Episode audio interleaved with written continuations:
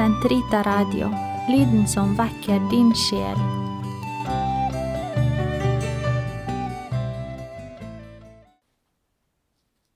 Den katolske kirkes katekisme, uke 39, fredag 2280 til 2283. Selvmord.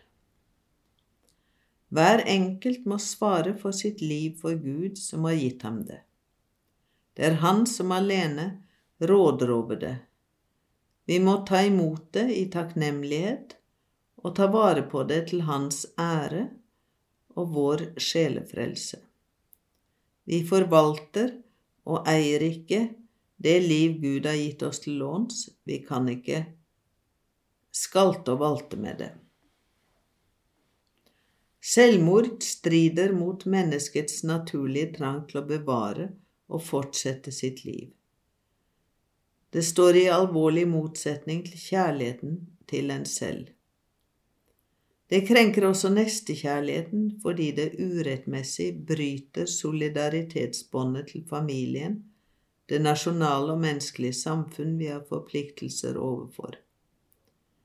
Selvmord strider mot den levende Guds kjærlighet. Dersom selvmord blir begått i det øyemed å tjene til eksempel, særlig for de unge, forblir det i tillegg til anstøt.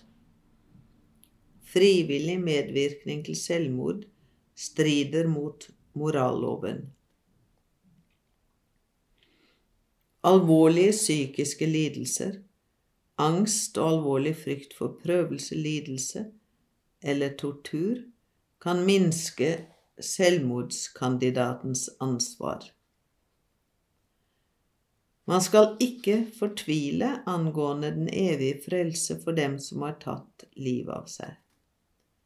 Gud kan, ad veier han alene kjenner, lage det slik at en frelsende anger blir mulig. Kirken ber for dem som har tatt seg selv av dage.